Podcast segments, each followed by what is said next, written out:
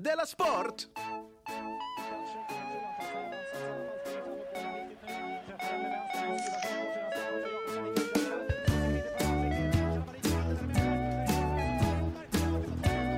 Du lyssnar på Della Sport.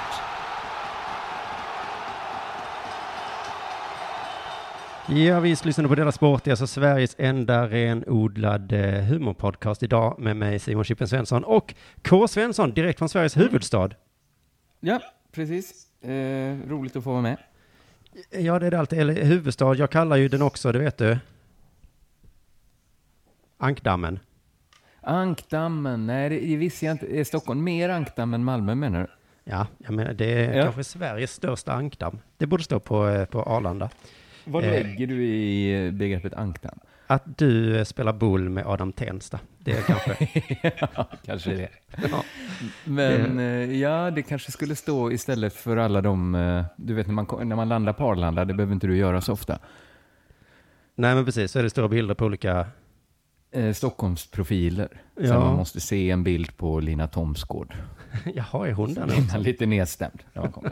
Eller man, det är väl roligt för turisterna såklart, att få se att här, det är här hon bor, Lina Thomsgård. Ja, precis. Men det, det där sätter fingret på, för jag såg att eh, Frej Larsson eh, skrev på Twitter så jag kan battla sönder Petter när som helst och jag vill, det är jag som ska hänga på, på Arlanda.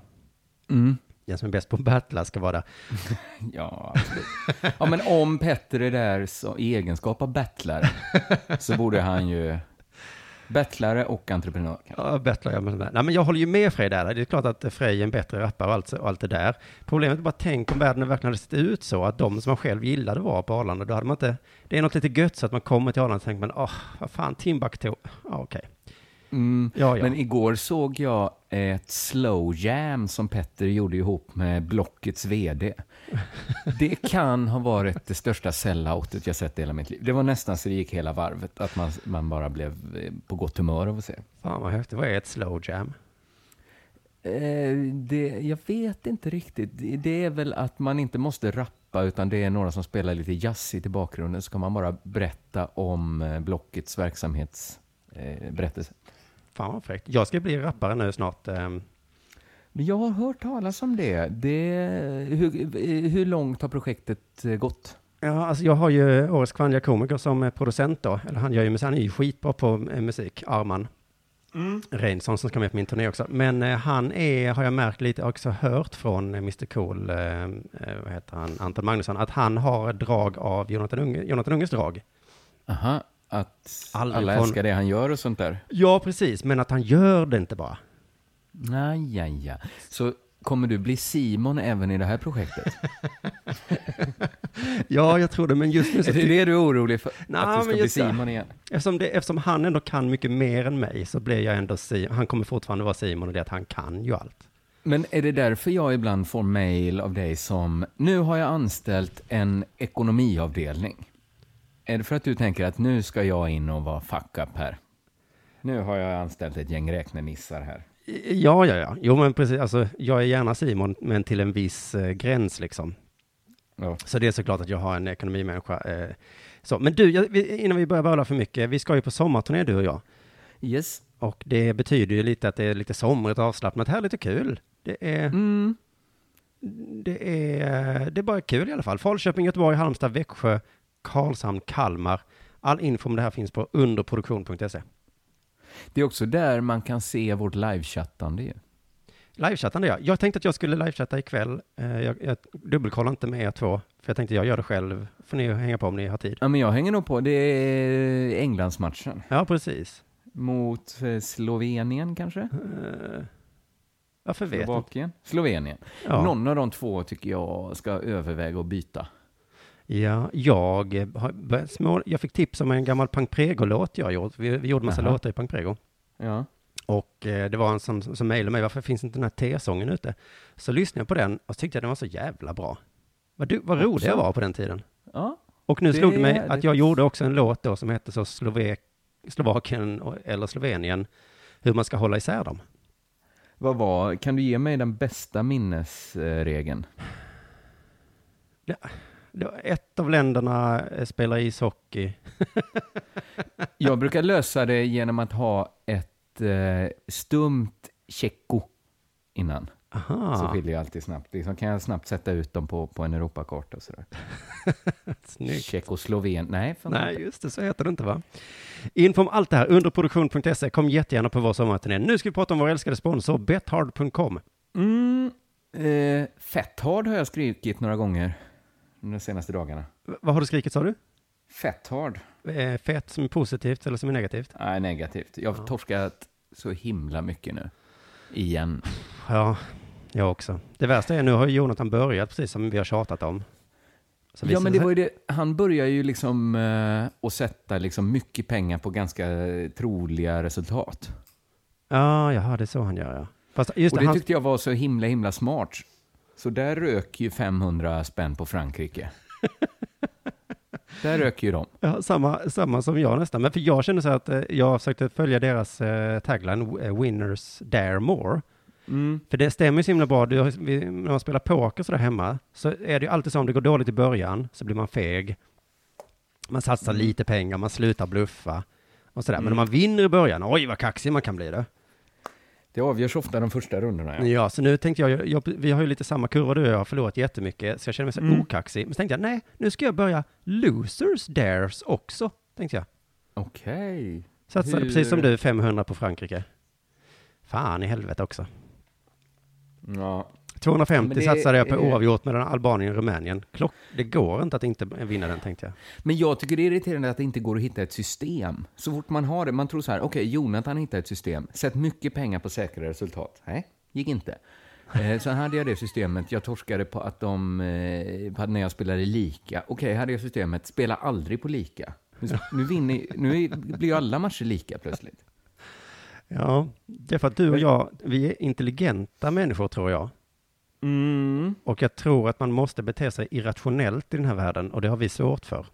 Jag testar att göra det nu, för nu sätter jag 500 till på England, ett säkert resultat då, Ja, just det. när de möter Tjecko, Slo Slovenien. Ja, jag tror inte det är Slovenien du. Nej, För jag jo, tror- det är det visst det. Ja, kanske inte då. Nej. Skitsamma. Eh, vi får se. 100 spänn på Wales också, för säkerhets skull. Ja, ja, ja. Jag satsar också på Wales. Det- på- Det är ju det som är felet. Vi satsar på samma saker du och jag. Vi tänker, eh, jag satte jätte, 250 på Wales, för, men det är för att jag ömmar för dem. Jag tycker att det är lite, lite synd om Wales. Tycker du det? Jag tycker de har gjort eh, rätt eh, tråkiga mål, får jag säga. Ja, ja, men jag menar mer alltså landet eh, överhuvudtaget. Jaha, du ömmar liksom för, för Wa- land, att de är så små? Ja, walesarna generellt sådär. Så att om jag förlorar ikväll så vill jag Bethard att ni ger mina 250 kronor till landet Wales då, på något sätt. Att du får gå till deras skatteskuld eller något sånt. Ja, till deras, Stat, statsskuld. det kan gå till något av. projekt i förorten eller någonting, de pengarna. Men visst har båda Bales eh, frisparkar som han satt för Wales varit eh, dåligt slagna? Det kan jag inte svara på. Jag Nej, nej, inte jag heller egentligen. Jag bara tyckte att, när jag såg den tänkte jag så här, fan den skulle jag tagit. Jaha du. Jag tror faktiskt jag hade tagit den. Jag, tror, jag kan säga att jag skulle ha tagit en av de två. Säg inte det till, till Bales mamma. För hon förväntar sig att någon ska säga Bales morsa skulle tagit den. Nej men, Bales mamma sitter hemma jättestolt nu. Och så Ja, kommer du och bara, den är dålig. Va? En sak jag ogillar med din son, det är att han slår så dåliga frisparkar. Ja, det blir ju mål och så, men... Mm. Men eh, fan vad det ser ut. Ser illa ut. Men du, du, både du och jag hänger på Twitter och så ganska mycket och eh, jag märkte, det är ju till för ofta politiska diskussioner, en del fyndigheter. Nu verkar det vara som eh, Twitter till för att visa eh, vad man har bettar och så. Vad man men kan det vara i din lilla informationsbubbla? Det är mycket betting. så, så, är det, så är det alltid när man pratar om Twitter. Men, jag, men för min eh, spaning är att eh, betting är det nya fota mat. Aha. Man fotar sin talong innan, här är min Ja. talong, och sen efter, här är min vinsttalong, eller här är min förlusttalong. Med mat så har man ju sällan det efter fotot. Och här är maten två dagar senare. Just det. Men jag känner lite så, whatever dude. Posta inte bilder på mat och på talonger, för det är inte jag är intresserad av. Mm. Om det inte då på Betthard då, för det är jag fortfarande superintresserad av. Betthard. Ja, just det. De har ett Instagramkonto. Eh, har det hänt någonting sen sist? Ja, det har det. Eh, idag faktiskt blev jag lite rädd för mig själv. Mhm. Eh, för min son har ju sommarlov. Mm. Han är cirka tio år gammal. Oj, vad han dräller, vet du. Det- Dräller runt. Ja, jag, alltså det här är typ tredje dagen eller någonting och eh, han har också nått en ålder nu, tio, där det ser ut som när han inte gör någonting så ser det, ett, alltså det provocerar mig. Men vad gör han när han inte gör någonting? Alltså han gör verkligen ingenting. Han, han klär inte ens på sig. Han ligger liksom i sängen. Han, eh, Ja. jag tycker ändå jag är en sån här soft pappa som är så, han frågar, får jag äta frukost framför tvn? Ja, sitter där, det är sommarlov. Mm. Men sen sitter han kvar där. Maten står framme. Du kan väl klä på dig åtminstone, skrek jag. ja. Idag blev jag så upprörd så jag, jag tror jag var röd i ansiktet, så upprörd blev jag. Jag fick gå ut på gården och lugna ner mig. Men blir du arg på han för att han tvingar dig att inte vara en soft pappa? Ja, men det där argumentet vet jag håller inte, för det, ju- det, det kan man ju säga, så du gör mig till fascist. Du gör mig sån här, men det är ju jag som gör det åt mig själv egentligen då. Men det är ju också, men det jag märkte är att jag blev den här klassiska föräldern. Jag står inte ut med att han inte har några ambitioner. Men vet du vad jag ska, jag ska säga en sak. Det finns inte så mycket man kan göra när man är tio år, va? Nej, det är Eller ju... vad, vad skulle det vara? Nej, vad ska, jo, är bättre än ja, men- tv, menar jag. Ja, men det kan jag förklara för dig. För att han har nämligen startat en YouTube-kanal, han har två klasskompisar. Ja. Och han har tjatat med mig de senaste veckorna om att jag ska göra reklam för den i, i, här i Della Sport. Ja. Eh, men de gör ju aldrig några filmer, de har gjort typ en film. Säger du så? När jag var i din ålder, då vloggade jag. Då gick jag upp på morgonen och vloggade. ja, men det är liksom... Har du lyssnat på den här sången om te? Ja, den skrev jag när jag, inte i din ålder, Ja, men men ja, alltså jag, för jag tycker inte jag ställer för mycket krav. Alltså så här är det, de har ju, de, gör, de har gjort några filmer, jättedåliga är de. Men å andra sidan Mm, så, så men- gör ju alla YouTubare usla filmer. Det är ju det som är att vara en YouTuber. Är, det, är ni öppna hemma med att du tycker hans filmer är dåliga? För det kanske är ett av skälen till att det har slutat vid en film. Nej, jag, jag, det försöker jag hålla för mig själv ändå. Eh, Ja, för jag vet ju det, att om, han har, om hans idoler är de här, vad de nu heter på YouTube, det är inte Ja. mycket att se upp till liksom. Jag har Nej. kollat på en del vad de gör nu då, eh, för att hänga med i hans liv, och de gör så här, de sätter på kameran, Mm. det är det är ungefär. Ja, ja, ja, okej. Så då kan du så tänka dig hur hans videos är. Nu gör du ju inte direkt reklam för hans YouTube-konto, tycker inte Nej. jag. Men därmed vill jag ändå ha sagt då, hade han bara gjort pissdåliga filmer, så hade jag ändå kunnat känna, han gör någonting. Han lär sig ett klippprogram. Ja, Nu skriver han manus helt plötsligt. Så nu Ja, tänker jag göra en så himla smart föräldragrej. Jag har lovat honom att göra reklam för hans YouTube-kanal, så nu gör jag det nu då. Eh, snälla Ja. alla som lyssnar, eh, gå in på YouTube, sök upp kanalen Svenkatt. Sven-katt. Ja, katt som är eh, djuret katt och Sven som eh, namnet Sven. Svenkatt. Sven-katt. Där då, när ni går in där, så kommentera som satan. Och så skriver alla så här, gör fler filmer. Snälla, kan ni inte göra eh, filmer? Gör filmer. Tänk om de hade fått så hundra kommentarer. Jag tror att det hade Ja. satt en sån jävla blåslampa i röven på dem. Ja, kanske. Ja, men eh, absolut. Du Då kan väl börja eh, K och, och göra det. Och så eh, hjälper alla som lyssnar mig att uppfostra mitt barn. Det låter rimligt, tycker jag. Mm. Men Det det, är någonting också med ungdomar märkte jag då idag, alltså att jag blir liksom eh, han Dennis, eh, vad heter Dennis granne? Herr Nilsson. Så kan han inte heta. Farbror Nilsson heter han, Är det som apan? Herr Nilsson och farbror Nilsson? Jag tror att det är att de... eh, Att det är här, farbror Nilsson, ja. Ja, det kan det vara. Men, men eh, Ja. för så ser ju inte jag mig, men nu, nu blir jag så. Men jag hatar också ungdomar, för att alltså, de är så jävla, jävla, jävla töntiga. Jag såg ett klipp från Summerburst, Ja. som är ju de nya ungarnas typ Roskildefestival. Ja, men det är väl också typ 30-åringar där. Det är väl det som är det, så extra jobbigt. Ja, fast min tioåriga barn sa ju så, Avicii kommer till Malmö, får jag gå? Jag bara, ja, ja, nej. Skulle din tioåring gå på Summerburst? Nej, men Avicii ska spela på tallriken. Aha, ja. Men då när jag såg det här klippet från typ Ullevi eller någonting, det var tusentals människor som dansade Mm. och dansade och hoppade till en melodi som jag svär att jag hörde på P4 när jag åkte bil eh, veckan innan. Okej. Alltså de samlas på Ullevi och lyssnar på P4, det är som att de vill provocera mig. Vad fan i helvete? Och, och, och mitt barns idol är han Alex i Sommarlov. Muskulös kille, vita tänder, atletisk, snäll. Ja. Lite gulligt, Det var ju rolig. mitt jobb han fick. Ja, ditt jobb ja. Ja, men, ja. Han, jo precis, fast han är ju gullig i Sommarlov såklart, det var ju du också, men han är ju det på sina YouTube-filmer också. Han, han vet inte ens hur cigarett ser ut. Nej, jag tror faktiskt inte det. Han gifte sig när han var typ 20. Vad fan är det? Vad är det för jävla det- uppror de håller på med? Varför vill du att din son ska ha en idol som röker? Nej, det, Det är svårt för din son tror jag att plisa dig. Ja, nej, men om han nu ska liksom göra, vad är det här för jävla uppror och bli en liksom tönt? Eller, Nej. det, ja, i alla fall ha töntar som idoler. Men ja, jag tror, det, jag, jag, jag tror jag applåderar att han i alla fall testar lite olika grejer. Ja, det, han, är, han är snart eh, färdig. Men i alla fall, eh, snälla alla, kan ni försöka hjälpa mig få honom att göra fler YouTube-filmer så han åtminstone gör någonting. Du, har det hänt något med dig sen sist? Jag tänkte bara att din son kommer kanske snart ha en hattfas. Börja gå i hatt. Alltså, jag har en hattfas nu. Du har inte Du sett har- det bara, men jag har tre hattar hemma. Ja. Eh, jag tycker du ska eh, ta emot den med öppna armar, den hattfasen, när den kommer. Ja, då. Eh, du, det, det har verkligen inte hänt mig mycket. Eh, jag har börjat planera att jag ska köpa ett hus i Italien. Ja, du som inte köper någonting. Är det ett rykte som, eh, som surrar kring mig att jag inte köper något? Ja, du, du har väl lite sagt det själv va? Ja, men jag, har inte så mycket, jag tycker inte det finns så mycket man kan köpa. Men hus är ju roligt att köpa. Det är jobbigt att ha hus. Jag har ju redan ett hus som går åt helvete nu. Men, Ja, ja, precis. Hus just det är ju det jobbigaste att köpa. men jag tänker att sådana, liksom, eh, nu är jag ju i myndigheternas klor med mitt svenska hus. Ja. De myndigheterna tänker jag inte finns i Italien riktigt. Det är liksom svårt att fucka upp ett hus i Italien. Italien heter väl myndigheterna maffian?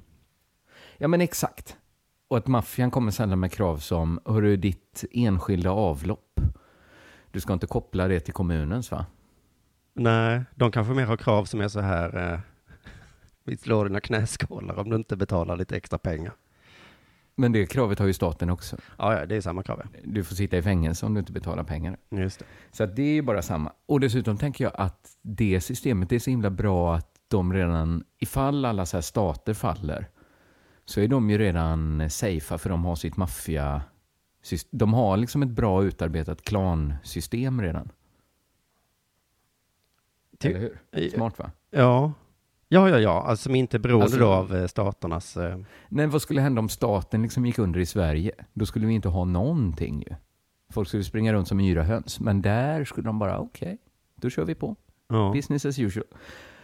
Eh, Så det ser jag mycket fram emot, att bli en del av den, eh, av liksom eh, en, en italiensk klan. En dag. Men annars, jag, jag ska åka till Grekland snart. Ja, du har sagt det några Eh, gånger, jag har inte riktigt, det är ett bröllop du ska på eller? Ja, jag ska på ett bröllop. Jag har inget, jag har inget att redovisa då om, om det bröllopet. Det så så- inget har hänt sen sist kan jag säga. Nej, men efter det kommer det ha hänt någonting. Det är lite tråkigt Ja. att du ska dit då eftersom det är midsommar och så. Ja, vi brukar ju alltid fira midsommar ihop, du och jag. Ja, ja, vi har gjort det några gånger i alla fall. Ja. Ja, några gånger. Inte i år då, då är jag, nu är jag på Grekland. Eh, Kan det vara så nej, att det är dags för eh, det här nu? Ja, gärna.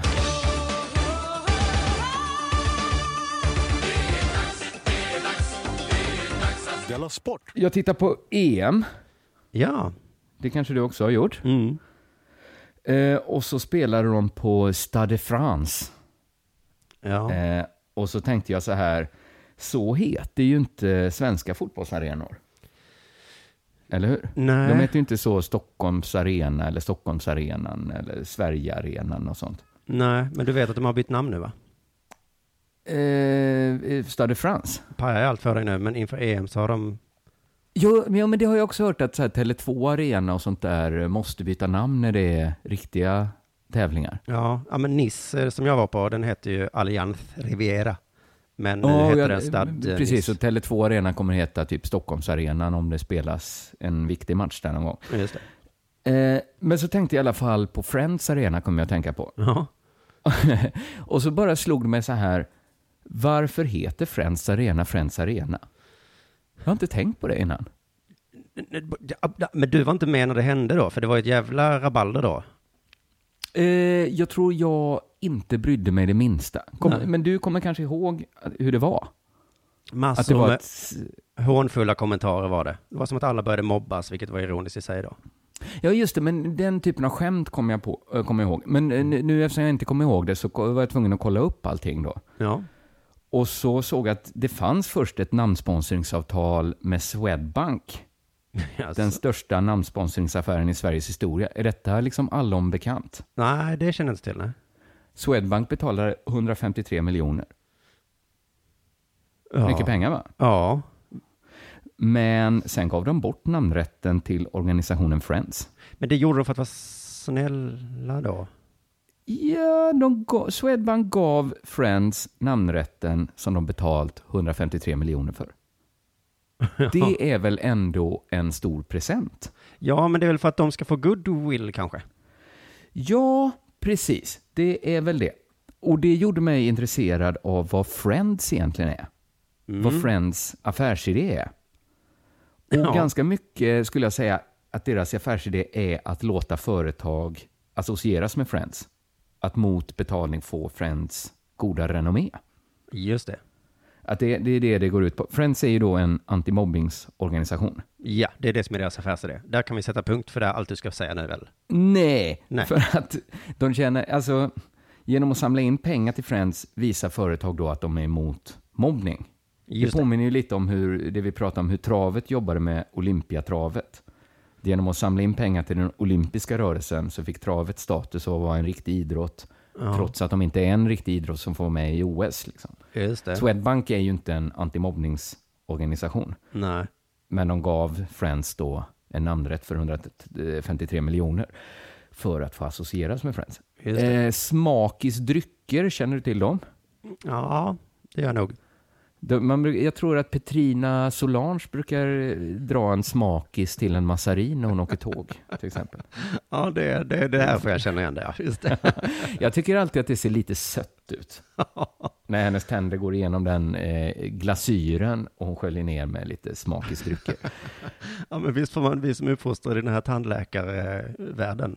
Man tänker att det var en av dem hade jag kunnat ta bort. Kanske en, en kopp riktigt beskt kaffe för att skapa lite balans i universum. Eh, men Smakis drycker, de lanserar nu radioreklam för att sätta fokus på mobbing och samla in pengar till Friends. Reklamen görs av Friends generalsekreterare Lars Arrhenius och kända profiler som till exempel komikern Henrik Schyffert. Härligt. Så du fattar, Friends behöver inte längre göra reklam för sig själva. Smakens drycker gör reklam för att samla in pengar till Friends. Ja, men, men så är det väl. Det är väl en liten organisation som är frivillig kanske eller någonting och så får de hjälp av alla. Intressant att du säger det, för man undrar ju vilken sorts eh, organisation Friends är, som företag ger pengar för att associeras med. Friends är en ideell stiftelse. Just det. Mm. De jobbar alltså utan profitintresse. Det här låter så himla bra tycker jag. Mm, skulle man kunna tro. Men Friends grundare och hedersordförande Sara Damber, känner du till henne? Nej. Hon Hon skrev Mikael i G- Dambergs... Eh, Eh, inte Damberg, utan Damber. Hon skrev i GP 2010 att det är dags att skrota uttrycket ideell organisation. jaså? Så hon är emot ideella organisationer. Ett begrepp som ger en betydligt bättre bild av mitt sätt att se på förändringsarbete är socialt entreprenörskap. Vi behöver inte fler ideella organisationer, vi behöver fler sociala entreprenörer, skriver Sara Damber. Och det är det Sara Damber är.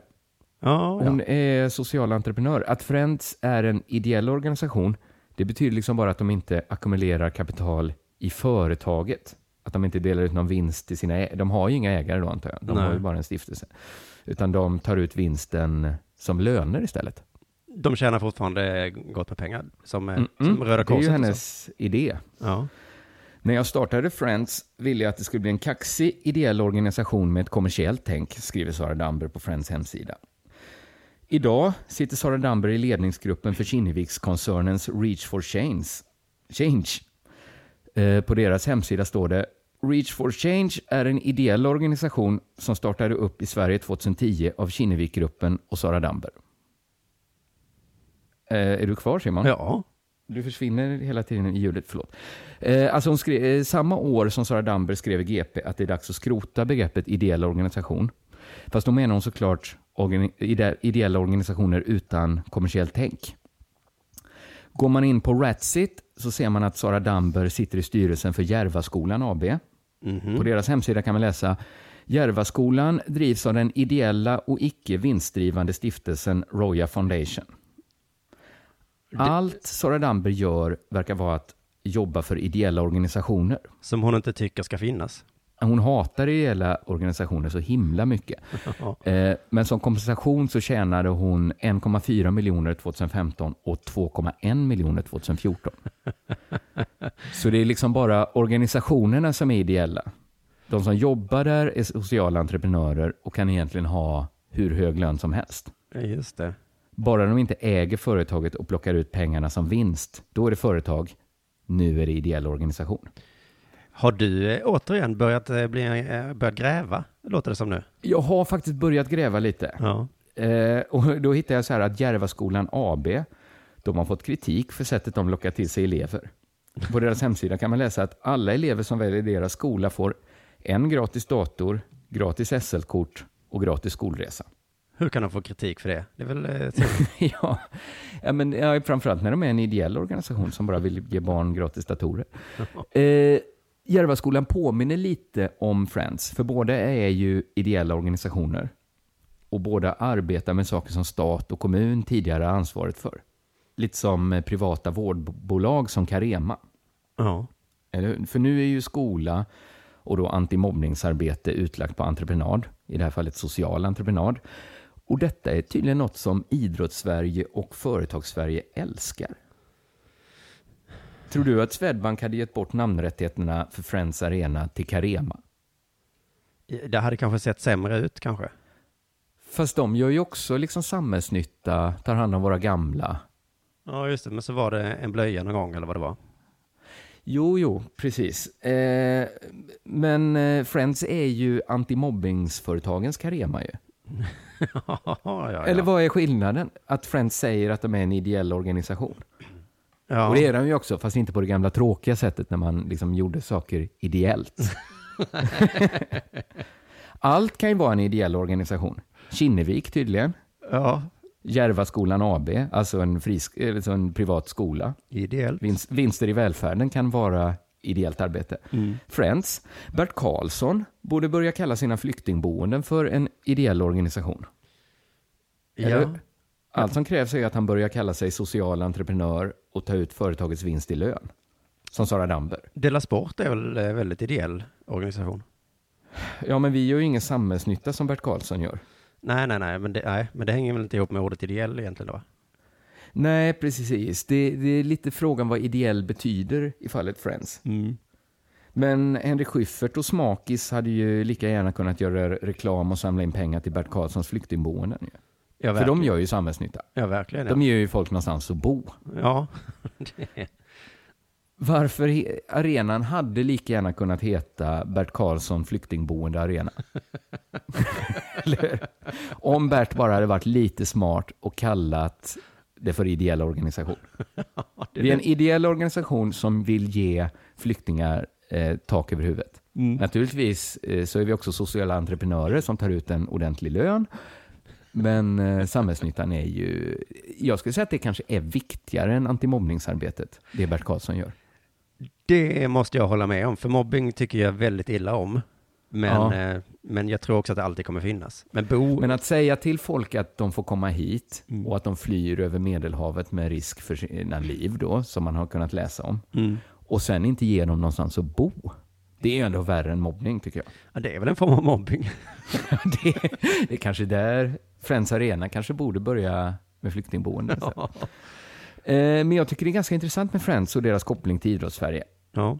För i år har de ett eh, stort samarbete med damhandbollslaget som jag tänkte prata om sen. Mhm.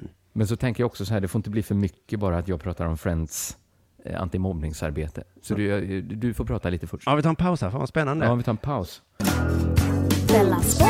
Ja, åter till, åter till Frankrike och, och fotbolls-EM då. Ja, Det är ju mycket det i Dela Sport nu för tiden, men det, är- så, får det, så får det helt enkelt vara. det är inte så konstigt. Det går inte så bra för Sverige i, i EM. Nej, det kan man inte säga. Nej. Men eh, alltså, jag vill inte vara den som säger vad var det jag sa. Men vad var, vad var det jag sa? Ja, men man, folk kanske hade förväntat sig ett avslut på mål, tänker jag. Ja, alltså när vi kvalificerade oss. Resultat är en sak. Ja, precis. ja men det är precis Men det jag ska komma till. För att Ja. jag, eh, när vi, när vi kvalificerade oss så sa jag exakt så här i Della Sport, det kommer inte bli kul, bara så att ni vet det. Alltså, Mm. vad kul att ni är glada, men det kommer bli pinsamt. Och precis som du säger, inte ett enda skott på mål då. Lite pinsamt. Men Jimmy Durmaz, som är en spelare som inte fått spela än så länge, Han kom in väl mot eh, Italien? Jaha, jag såg eh, kanske inte hela den då. I alla fall så, eh, så enligt honom så har det ingen betydelse att de inte har något skott på mål. Nähä. Eh, Du kan lyssna på det här. Ja. Det spelar ingen roll om de är på mål eller en halv centimeter utanför mål. Den ska in i mål. Det spelar ingen roll, Nej. tycker Jimmy. Men det blir lättare att få in den i mål om den går liksom innanför målramen väl? Ja, och jag tycker han låter lite som mitt barn här. Det är liksom att han har inga ambitioner. Nej. Ja, men precis som mitt barn så börjar han liksom debattera om sakfrågan och så. Alltså det är inte exakt det. Ja, vi fattar väl att klart det ska i mål liksom. Men, men Ja. han fortsätter, eh, lyssna på den här. Spelar ingen roll om vi har 100 skott på mål och det inte går på mål. Det är lika dåligt som att skjuta vid sidan av. Utan de ska i mål i, på onsdag. Det är inte Jag lika... tycker inte det är exakt lika dåligt, tycker inte jag det. Nej, alltså om ni hade haft 200 skott på mål, Ja. Då hade, jag, då hade vi alla sagt okej, det var ändå bra spelat. Det var otur att inte ett av de här gick in, fan vad synd. Mm. Men Jimmy har liksom hittat ett kryphål här.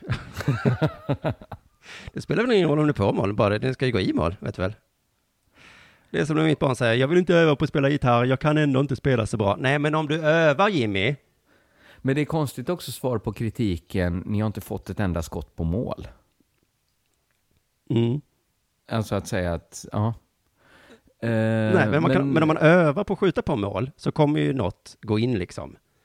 Det är som att säga, men jag, jag är inte Mozart ändå så då kvittar det. Antingen ska det vara en perfekt eh, sonett, annars så kan jag lika gärna bara inte göra det. Menar de att, han kanske menar att Sverige håller sig tills de har ett riktigt jävla bra skott på gång. Ja. Men hur tror du att Frankrike blev så bra på att göra mål? Det är för att de testade att skjuta på mål några gånger. Och så Mm. gick det in till slut då. Usch, hör, Ja. du, hör du på mig? Jag har blivit en förälder. Oj, oj. Ja, för tio år sedan va? Ja, men nu har jag även blivit det i sinnet. Oj, jag har blivit eh, ungdomarna, Jimmy Durmaz och de har gjort mig till en av poliserna i Pippi Långstrump. Jag bara, ja du kan väl ingen heja på mig. I alla fall, eh, det går bra för svenska fansen i alla fall. Mm. De och jag fick åka ner till EM och filma och fota hur gött det är och ha råd med precis vad som helst. Jag har råd att ligga vid en pool och inte göra någonting. I två månader har jag tid med det. Ja. Och så har de tid att gå på fotboll och råd också såklart. Jag sitter hemma och bara, men varför gör ni ingenting? Jo, då går! Säger jag. ja, du har blivit eh, en sån pappa nu som Just. sitter hemma och gapar. Just det, i alla fall. Det ser ju rätt mäktigt ut på svenska matcherna. Det är så jävla gult överallt. Mm. Och vi svenskar, eh, vi tog ju bara uttrycket gula väggen. Just det. Vi tog det. Men jag kan också förstå det, för det är ju en gul vägg. Ja, ja precis. Det är ju det. Är ju det. Men det, var, det är ju Dortmund äger ju det. Det är ju som att, eh, nej, kom inte. Aha. Jag kände inte till Dortmund. nej, i många, många år har Dortmunds fans haft en gul vägg på sina matcher. Och så har man sagt, det är den gula väggen. Vet du vad jag tycker att svenska fans borde ha för eh, tagline istället? Nej? De nya holländarna. Oj, vad ska det betyda? Ja, men för förr var ju alltid Holland, man tänkte att de var de härliga fansen. Ja. Nej, man fick se så här engelska fans och tyska fans som slogs och höll på och liksom pissa på gatan och sånt. Mm, vad gjorde Och så Holland? visades liksom härliga holländare som sprang runt med så här träskor och, och liksom Pippi Långstrump-hår och, och liksom var orangea. Ja, ja, men bra att du säger det, för det är precis så jag tänker. Man ser ju, det är mycket nyheter om, om Englands huliganer nu och Rysslands huliganer. Ja. Och jag kollade faktiskt upp vad ordet huligan, vad det är för någonting. Eh, lite som du var inne på vad en ideell organisation är för någonting. För att, men huligan är en supporter som gillar att slåss. Eh, ja, ja, men det hade jag nog nästan kunnat knäcka. Ja, men jag undrar ibland varför kan vi inte bara kalla dem för, ja men för en person som bara slåss utan att vara supporter. Det är en barbar. Ja, eller det är någon som har hamnat på glid kanske. Mob, mobbad som barn bara. Någon som hade, var i behov av friends. Ja, kanske. Men om man- Eller som mobbade. är väl troligare va? Ja, ja just det, det, det också. Men om man också gillar ett sportlag, då är man liksom inte bara en sån här eh, jävla idiot som slåss, utan då är man en huligan. Man, det är någon form av förståelse bakom, eller man blir någon annan. Jag stör mig bara på det här begreppet, för jag andrahandsdrabbas alltså så jävla mycket. Jag är vit, jag får stå till svars för att, alla, att vita haft slavar, förlåt. Ja. Jag är man, jag får stå till svars för att det finns våldtäkter, förlåt. Jag är killkomiker, jag får stå till svars för sådana som du, eh, förlåt. Jag är supporter och då får jag stå till svars för vad huliganer gör. Alltid ska jag misstänkas för skit. Men du är ju inte en supporter som slåss väl? Nej, men efter den här IFK-bangern så skrev Simon Bank, tror jag det var, att nu måste alla på stadion göra något. Alla har ansvar för det här nu. Ser du någonting, du måste säga ifrån, du måste visa. Så det är liksom återigen jag då som, Är han galen? Nja, fast det är ju samma. Vem går fram till en huligan som, kast, som står med bangers i händerna och säger Hörru du, vad, håller du, vad tror du att du håller på med? nej, nej, nej, nej, nej. Den lägger Jag du tillbaka i sätter en miljon på att Simon Bank aldrig har gått fram till en huligan och sagt till på skarpen. Nej, men det är ju lite samma som i våldtäktsdebatten så, att nu är det vi män som liksom lite får ta, vi får liksom säga till varandra på något sätt. Att, Jo, jo, men där hade jag gjort något. Hade jag sett den som höll på att våldta någon så hade jag ju gått fram och sagt hallå där. Ja, men du menar just i huliganfallet. Nej, okej, det är lite annorlunda. Men igår slog det mig också att huliganer från olika, eh, alltså alla olika sorters har de har liknande kläder. Det här känner du till va? Mm. Eh, jag vet inte exakt vad de har, men jag vet att i Malmö i alla fall så har de North Face-jackor. Det vill säga, Ja, men det, de gick alltid förbi mitt fönster när det var match. ja, ja, Då ja. hade alla likadana kläder liksom. Svarta North Face-jackor, det vill säga funktionsplagg, som jag också gillar. Ännu Mm. en misstanke riktas mot mig. Jag får då som funktionsklädersgillare säga, ja, ja, nej, men inte jag, men alla andra. Det är klart att Tur jag har att ett an- du, gillar Cerisa funktionskläder i tur. Men det är klart att jag har ett ansvar så som funktionsklädersgillare. Eh, jag måste såklart säga till alla andra inne på Naturkompaniet att nej, hörde du, slåss gör vi inte va? Mm. Vad är det, vad är det ni... eh, Är det att du, du inte gillar att bli blöt? Är det därför du har funktionskläder? Mm, blöt och kall har jag kommit på att jag inte gillar att vara. Jag tror jag var över 35 när det slog mig. Det här blöt och kall. Ja, men det har inte slagit mig ännu. Nej, det jag är har väldigt aldrig haft på mig funktionskläder. Nej, men när, när den dagen väl kommer då. Woo! I alla fall, det finns en kategori supporter till och det var den du var inne på. Eh, Holländare kallar du dem. Det är alltså supporter eh, som utmärker sig genom att inte slåss, kan man säga. Mm. Eh, och nu verkar det vara Sverige och Irland kanske, som är de. Ja, det har varit väldigt mycket bilder ute där man ska känna liksom någon fosterlandsstolthet för att man ser en full svensk som inte slåss. Ja, eller inte dör, som en nordirländare gjorde i Nice. Eh, Mm. då, men i alla fall i EM 92 så var det danskarna som, som utmärkte sig som, som sådana. Och då eh, hittades ordet roligäner på. Alltså att de är lugna huliganer då? Ja, rolig betyder lugn och igäner betyder att man gillar ett fotbollslag då, tror jag. Mm. Strax därefter kom Elfsborgs fans, dina eh, favoriter som kallar sig guliganer. De är gula, har gula kläder. Och så, Jag tycker det är en sådär bra ordvits. Har jag alltid tyckt, faktiskt. Jag skäms lite för det. Mm. Något ska man ju heta. ja, något ska man heta. Och så då igäner, som, eller iganer som det heter då i, i Borås, gillar fotboll. Eh, och vad utmärker då en roligän och en guligan? Det är alltså, de slåss inte. Nej. En helt vanlig människa då, kan man säga. Mm. Behöver vi ett namn på det, känner jag. De borde ju inte ha ändelsen iganer om det liksom syftar till huliganer. Nej, För att det betyder ju en supporter som slåss. De borde ju ha guli porter. För de är ju gula supporters. Till exempel. Eller bara inget alls, som jag känner. Om man säger, vad är du för slags person? Ja, men jag är väl en roligän då. Jaha, vad är det då? Ja, jag slåss inte. Okej, så du är som, det är som att ha begrepp för folk som inte äter avföring. Vad är du för slags person? Ja, jag är en sån här som inte äter bajs då. Nej. Det behöver inget namn på väl? Jo, men jag känner att jag ska heta, ja, jag har inget bra namn på det. Det är som cis-personbegreppet då. eh, jag skulle precis säga det ja. Mm. Det tyckte ju folk ändå att det behövdes. Ett namn på det som de flesta är. Ja, jag kollar faktiskt upp, för jag har knappt vetat vad det var. Jag ska läsa nu så att alla får sig en gång för alla vad det är. En cisperson kan vara en person som känner sig som, definierar sig som kvinna, ses av andra personer som kvinna, uppfostrad som kvinna, född med XX-kromosomer och vulva, är registrerad som kvinna i myndigheternas register. Då är det väl som en Mm. roligän där, att, ja men, vad ska, måste, ja. Ja, nej, jag håller med. Det, det stämmer ju in på många, just det du läste stämmer in på många kvinnor man känner. Det gör ju det och jag känner inget behov av att kategorisera det. Och det är samma med roligän, det provocerar mig att, att man måste förtydliga att jag gillar fotboll, men jag gillar inte att slåss. Stopp! Det är självklarhet för guds skull. Det som att ha, vi har, eh, vad har vi, eh, hustrumisshandlare. De tycker jag vi ska sätta i ett fack. Men vi, du och jag som inte slår våra hustrus, vi behöver inget ord för oss. Vi behöver ingen riksorganisation. Jag är en hustru okej behandlare. det är klart jag blir lite arg ibland. Du vet hur kvinnor är. Men eh, jag går inte över gränsen. Jag är en eh, hustru över medelbehandlare skulle jag säga. Okej, vi är inte exakt samma fack du och jag. Du lyssnar på Della Sport.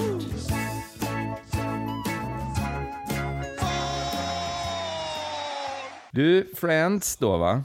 Som jag har ägnat så mycket tid åt att kolla upp. Jag, jag ska säga så här, jag blev faktiskt lite eh, medsvept. Gjorde för mycket research. Så jag kunde inte riktigt bara släppa det. Nej, jag förstår, så är det. Det ja, jag har, Men så försvarar jag mig med att de faktiskt har en stark koppling till idrottssverige. De har inlett ett samarbete med svenska damhandbollslaget. Yes. Mm. Syftet med samarbetet är att både lyfta frågan om hur vi kan motverka mobbning och diskriminering, diskriminering samt att samla in pengar till Friends utbildningsverksamhet. Två bra saker. Ja, det är det väl. Men det är ju inte ett vanligt sponsorsavtal. Eller det är ju egentligen damhandbollen som sponsrar Friends då. Ja, just det. Vem Alltså, ger pengar till vem? här? Som Smakis ungefär. Mm. Som samlar in pengar till Friends. Förutom det att just de landslaget tjänar väl inte svinmycket pengar gissar jag. Nej, ja, de kan säkert dra ihop en hacka. Men de får också utbildning om hur de inte ska liksom eh, mobba varandra. Göra kissbomben i duschen och sånt. Vad nu tjejvarianten är på den. Men, men, eh, men nu har landslaget utbildats av Friends så att de inte håller på att mobba varandra. Mm. Eh, men det här samarbetet, det har man ju såklart eftersom mobbning är ett så stort samhällsproblem, eller hur? Ja, Men då tycker jag att man måste ställa två frågor. Ett, är Friends den enda organisationen som jobbar mot mobbning? Och två, är Friends ovanligt bra på att jobba mot mobbning? jag skulle säga det. För i dig? jag, Friends är den enda organisationen jag känner till som jobbar mot mobbing. För de sponsrar en jättestor arena i Sverige. Som jag har hört talas om jämt.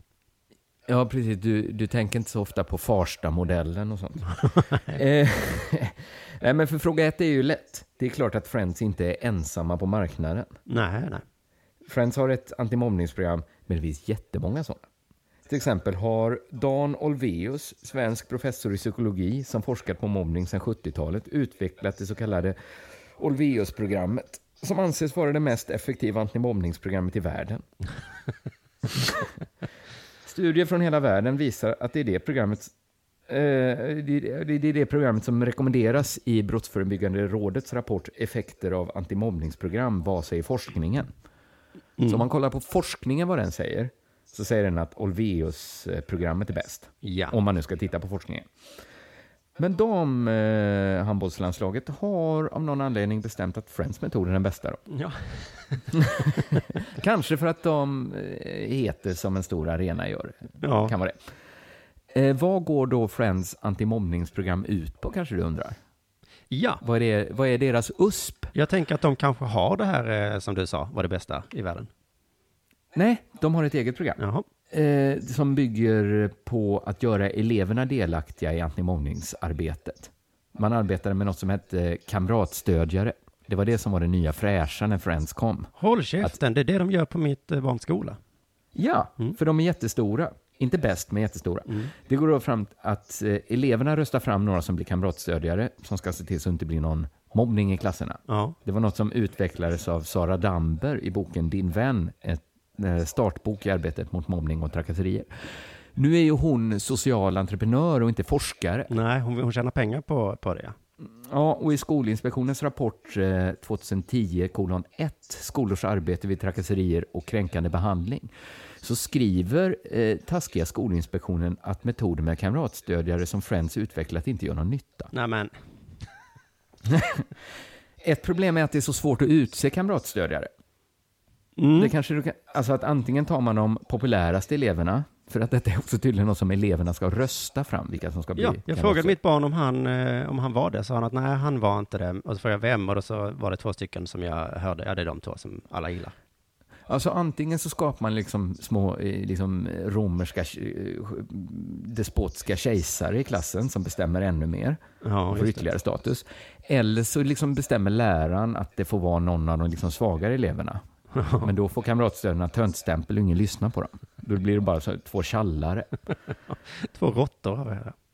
Programmet är så luddigt utformat också så skolorna genomför det på olika sätt där hur de tar fram kamratstödjare. Och i Skolverkets rapport 353 från 2011, Utvärdering av metoder mot mobbing, kan man läsa hur programmet genomförs varierar mellan skolorna men också inom en och samma skola. En sån variation kan vara nödvändig och positiv men kan också bidra till att programmet får inga eller till och med negativa effekter.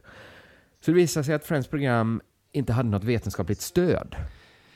Nej, och i efterhand visar sig inte funka så bra dessutom. Ju, Nej. Så att utåt sett har de skrotat sin idé med kamratstödjare.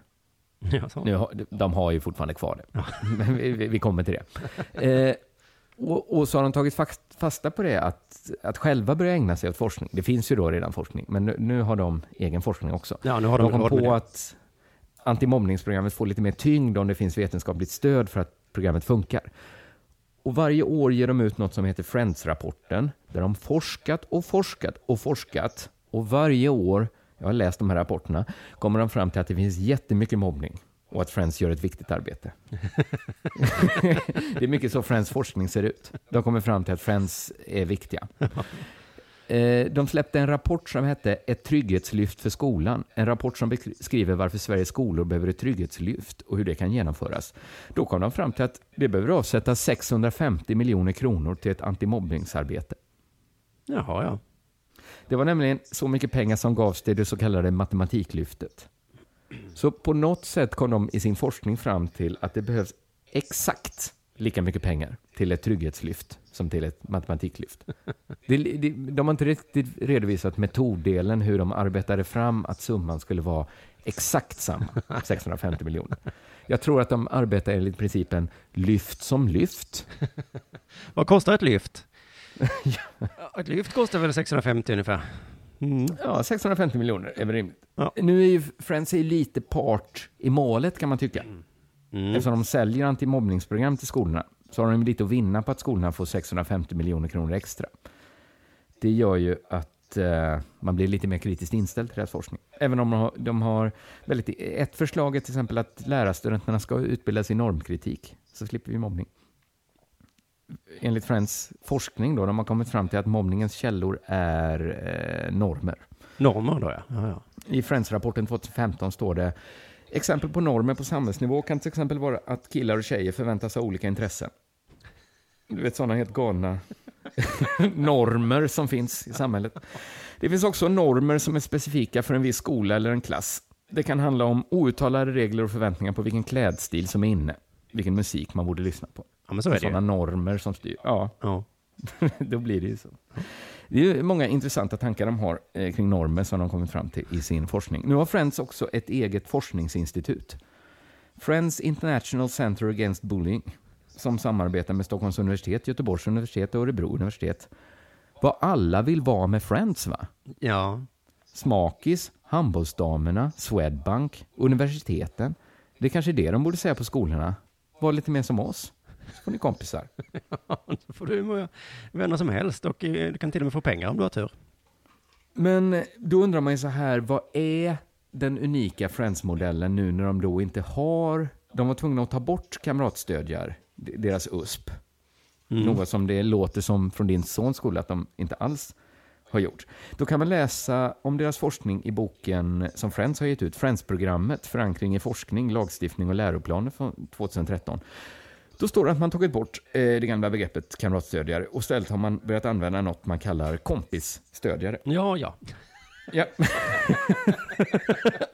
Så det är det nya. För skolan finns Riv flera alla gamla dokument! Det var extremt luddigt det partiet som beskrev varför var den stora skillnaden mellan kamratstödjare och kompisstödjare. Eh, för skolan finns det flera olika alternativ att arbeta med elevdelaktighet och forskning visar att när eleverna ges möjlighet till delaktighet, inflytande och påverkan på skolans arbete mot kränkningar minskar riskerna för kränkningar, står det i deras Friends-program. Och så var det då som i all riktig forskning en fotnot. Mm. Men vet du vad de inte anade? Nej. Att jag skulle kolla upp den fotnoten. Va? För det är ju det som är grejen med fotnötter, ja. Ja, att ingen kollar upp dem. Man kan bara, här finns stöd. ja. Nu har jag läst den här skitlånga rapporten. Ska jag hålla på och gå ner? Nej, det gör jag inte. Den fotnoten hänvisade till de två rapporterna som jag pratade om innan från Brottsförebyggande rådet och Skolinspektionen. De som kritiserade Friends idé om kamratstödjare. Det är stödet för att, då att kompisstödjare funkar. Wow. Eh, det är lite lustigt. Fast så tänker jag så här att Skolinspektionen kanske inte är så kritiska mot Friends längre. Nej. Det kan ju vara så. För mannen som var Skolinspektionens barn och elevombudsman när Friends fick kritik av Skolinspektionen, han heter Lars Arrhenius. Och nu är han eh, generalsekreterare för Friends. Att det finns lite rundgång inom antimobbningsarbetet i Sverige. Även precis som med, med travet. Så är det. Visst är det ganska likt? Ja. Han skriver i inledningen till två, eh, 2015 års Friends-rapport att Friends Friends-rapport tydligt visar att Friends arbete måste fortsätta. Och det är det, eh, och det är det som gör den här forskningen så viktig. Att forskning visar, Friends forskning visar att Friends gör ett viktigt arbete. Så man fattar ju att damhandbollslaget, av alla de alternativ som finns, valde just Friends. Men Slut på granskning av Friends. det här är så jävla sjukt. Återigen, eh, grävskopan. Ja, det, det är kanske det som ska vara. Jag borde inte blivit maskin. Grävskopan är ju en form av maskin i och för sig. Ja, nej men jag tänker vi ska ju göra en gala i höst eh, där vi delar ut priset till bästa poddar och så, typ. Ja, Eh, och då måste vi kanske ha det priset med här då, så vi kan ge till dig. årets grävskopa. Ja, för att jag ser ingen problem med att vi ger det till oss själva heller då, eftersom det är så det funkar. Vi kan ju låta lyssnarna rösta. Så kan vi Dina sportslyssnare ska få rösta i alla fall. Ja, jag ska inte hålla på med det för mycket, men just nu bara det känns så roligt de senaste eh, veckorna att hålla på med lite gräv. Ja, det men man får, det ska också komma lite Zlatan-nytt så att vi blir som en eh, riktig sportpodd. Ja, men fan vad fett, fett det här är. Du, nu har vi nästan hållit på en timme, men jag har jättemycket kvar. Ja, men det kör hårt tycker jag. Ja, det tycker jag också. Man kan ju tro att fotbolls bara handlar om fotboll. Mm. Men tänk igen va? Är det som Gabriel Wikström säger att det är alla de icke-sportsliga värdena som också det handlar om? Ja, vi kan säga, jag lyssnade på Sportradion häromdagen och då sa de så här. Det finns alltså andra aspekter att tänka på också när man är ute på ett mästerskap och följer fotbollen. Eh, Det det är inte bara fotboll det handlar om. Inte bara fotboll va? Nej. Det, vad kan det vara? Kanske ekonomi kanske? Kanske samhälle? Ja. Kanske m- mat? Eh, Jag vet inte. Jag tänkte också det, Frankrike är mycket mer än bara fotbolls-EM. Ja, för jag sa ju något avsnitt när jag var i, i Nice då, så sa jag att det är så bra med fotboll, man får, lära sig så mycket annat som geografi. Ja. Man får veta att Nordirland finns då till exempel. Eh, och jag Ja, tror det. kanske att Radiosporten hörde det avsnittet, för att eh, i det här programmet då, eh, Sveriges Radio, P4, Radiosporten, SR eh, heter de va? Så gjorde de ett långt inslag, förstår du, helt plötsligt om historia. Mm, ja, men, det, men det är väl en klassisk Niva, va? Ja, just det, det kan det vara ja. Så kan man välja att inte läsa den, eller, fast han brukar koppla det till sport på något sätt. Men här var den enda kopplingen att eh, de här två människorna, eh, Gunnar Brink och en till, de var i närheten av där Sverige tränar. Och Mm. där hade det då hänt någonting för väldigt länge sedan. Ja, för det var ju någonting som hände där under andra världskriget, att det var en, eh, ett fartyg som kom in mot hamnen och så exploderade allting. Berätta, du, du har läst på lite grann kring vad som hände. Ja, det är alltså en person här och så den klassiska Gunnar Brink då som har läst på lite. Han har också gjort sin research. Ja. om något helt annat som inte är hans jobb i vanliga fall. Gunnar Brink, du Ja. kanske kommer ihåg honom, det är den här sura gubben man går förbi på Sveriges Radio, han sitter där nere. Ja, men jag minns, jag minns. Han gnäller ofta över att datorerna inte funkar, trots att de funkar. Mm. Lite som du och Mm. Jonathan. Men i alla fall, det är gulligt tycker jag att Gunnar då har läst på lite. Eh, vi har ett inslag om historia idag, eh, men jag kan ju ingenting, säger Gunnar. Du kan läsa på. Ja, varför inte, Mm. säger Gunnar. Eh, jag, jag gissar att de har lite för mycket tid. Kan vara så. De, de åker ner där och så är det mellan matcher. Ja, vad fan ska vi göra? Vi gör lite om historia. Vad har han läst på då? Vi kan då höra lite hur det lät av Gunnars påläsning. Och den där eh, sprängladdningen och båten som offrades, den slog ut den här torrdockan och den här hamnen för många år framåt. Inte bara under resten av kriget utan också fem år framåt. Jaha, jaha, där ser Där man. får man veta att de fick vara utan torrdocka i många år efter andra världskriget. Ja, det är fantastiskt. Sportradion leker historielärare. Eh, och vi får lära oss sådana små saker som att de hade ingen torrdocka där i många, många år. Av alla fakta man kan få så var det det vi fick. Och detta är alltså, då ska man komma ihåg, i närheten av där Sverige tränar. Så det är ju inte helt ointressant, utan det är ju, Ja, man känner i historiens vingslag att där det nu spelas fotboll, där var en torrdocka trasig. Många år. många, många år. Det tycker jag ofta glöms i rapporteringen från andra världskriget. Att det pratas mycket om de människor som miste livet. Men de torrdockor som var sönder i många år. Långt efter kriget, ja. Långt efter kriget, innan man då, fan ska vi inte, vi får nästan ta, ska vi laga torrdockan? ja, det får vi nästan göra. Ja, för vi har ju ingenstans att laga våra fartyg. Och man, visst använder man fartyg även när det inte? Ja, det gör man ju faktiskt. Får vi laga torrdockan? Ja, och det gjorde, kommer kosta tusentals kronor. de gjorde det mycket riktigt, vilket de sen berättade också. Men det slog mig att folk som inte är så insatta i ett ämne är ofta bättre än de som är insatta. Eh, vi ska höra ett exempel här som jag tyckte var så himla, himla fint när de, eh, två sportmänniskor pratar historia. Låter det så här. Du var inne på det också, floden Loire, den mynnar ju ut precis här också, Saint-Nazaire, och det är ju Frankrikes längsta flod, så en nyckelpunkt ur den aspekten också, att kanske ha tillgång till flodens mynning och in, in i landet lite grann den vägen också, flodvägen. Hörde du det? Okej. Det var ett ja, ord här men som jag jag... tappar nästan bort mig. Ja, men jag ska spela upp igen, för det är ett ord här som jag tycker saknas nästan alltid när man hör folk prata om historia. Det är ett ord som är så himla, himla avgörande. Och det är typiskt då att det kommer från en som inte kan något om historia. Jag ska spela upp en liten bit av, av klippet igen. Och så lyssna väldigt noga nu. Det är ett Mm. ord framförallt jag tänker på. Okej. En nyckelpunkt ur den aspekten också, att kanske ha tillgång till in,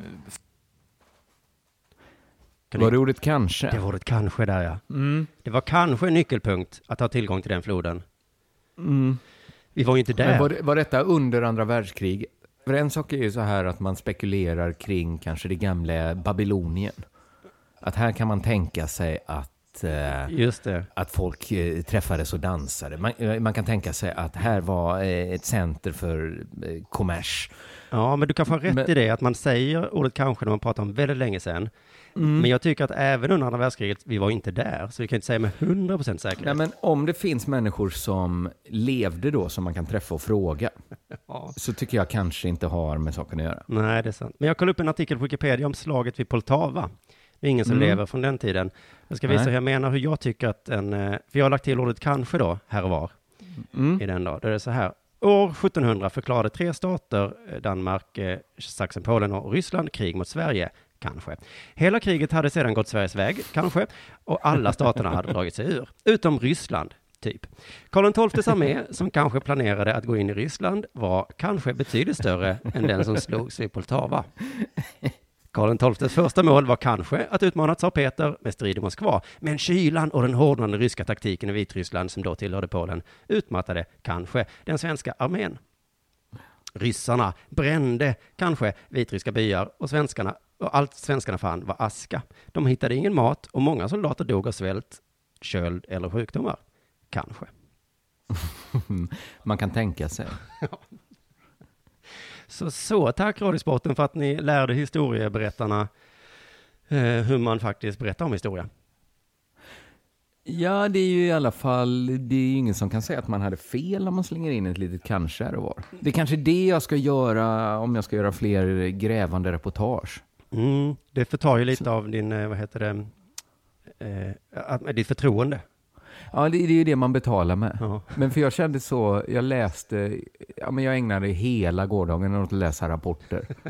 Och så kände jag ändå så här hela tiden, men vad vet jag om mobbningsarbete? Okej, nu vet jag ju mer än kanske alla svenskar nästan, men det var ju ändå, man är ändå sugen på att slänga in ett kanske någon gång. ja, kanske att Friends borde kunna vara ödmjuka nog att ha ordet kanske där. Kamratstödjare fungerar kanske. Kanske.